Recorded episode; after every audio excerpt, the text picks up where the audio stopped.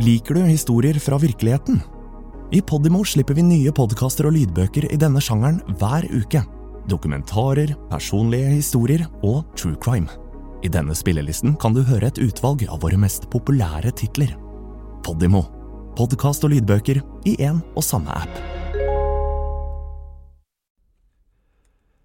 I talen til de første rekruttene til Norges SS, den norske parallellen til det tyske Allgemeine SS, forsikret Himmler dem om at de tyske nasjonalsosialister helt siden kamptiden på 20-tallet først og fremst hadde følt seg som germanere, som nordmennenes rasebrødre.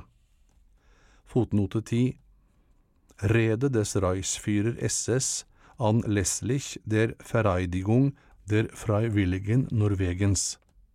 BAB NS 19-4008-43 fotnote slutt.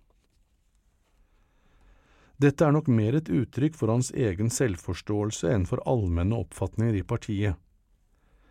Himmler ønsket å være alle germaneres høvding og mente tidlig at nazibevegelsens mål var noe langt mer enn bare et mektig og raserent Stortyskland. Den nasjonalsosialistiske revolusjon kjente ingen landegrenser. Adolf Hitlers storverk ville føre til en reisning blant alle stammer innenfor det nordisk-germanske blodsfellesskap. Nå ville de lytte til blodets stemme og søke sammen i felles kamp mot rasens fiender. Når striden var ført til ende, skulle det som fra tidenes morgen hadde vært germanernes bestemmelse, bli realisert – det storgermanske riket. Og nordboerne spilte selvsagt en viktig rolle i denne fremtidsversjonen. For hvor klang vel blods stemme klarere enn hos de brave vikingers etterkommere?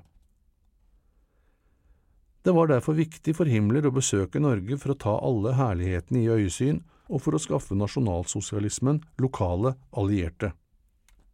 Side 15 Bilde med billedtekst Himmler ankommer Fornebu i begynnelsen av 1941 ved sitt andre norgesbesøk.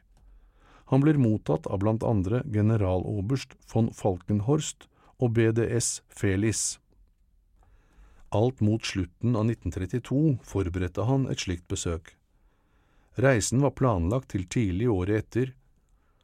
I januar 1933 ble imidlertid Adolf Hitler utnevnt til rikskansler i Tyskland, og Himmler fikk, som leder av der Führers personlige vaktstyrke, andre og mer presserende oppdrag. Likevel sørget han for at SS pleiet gode kontakter nordover gjennom hele 30-tallet. Målet var å inspirere norske trosfeller, særlig blant ungdommen, til å lede an i en rasebasert, nasjonal reisning. Det viste seg imidlertid at vikingånden ikke var så lett å vekke. Himmler måtte innse at veien til en raserevolusjon hos de sedate nordboerne var lengre enn forventet. Likte du denne episoden?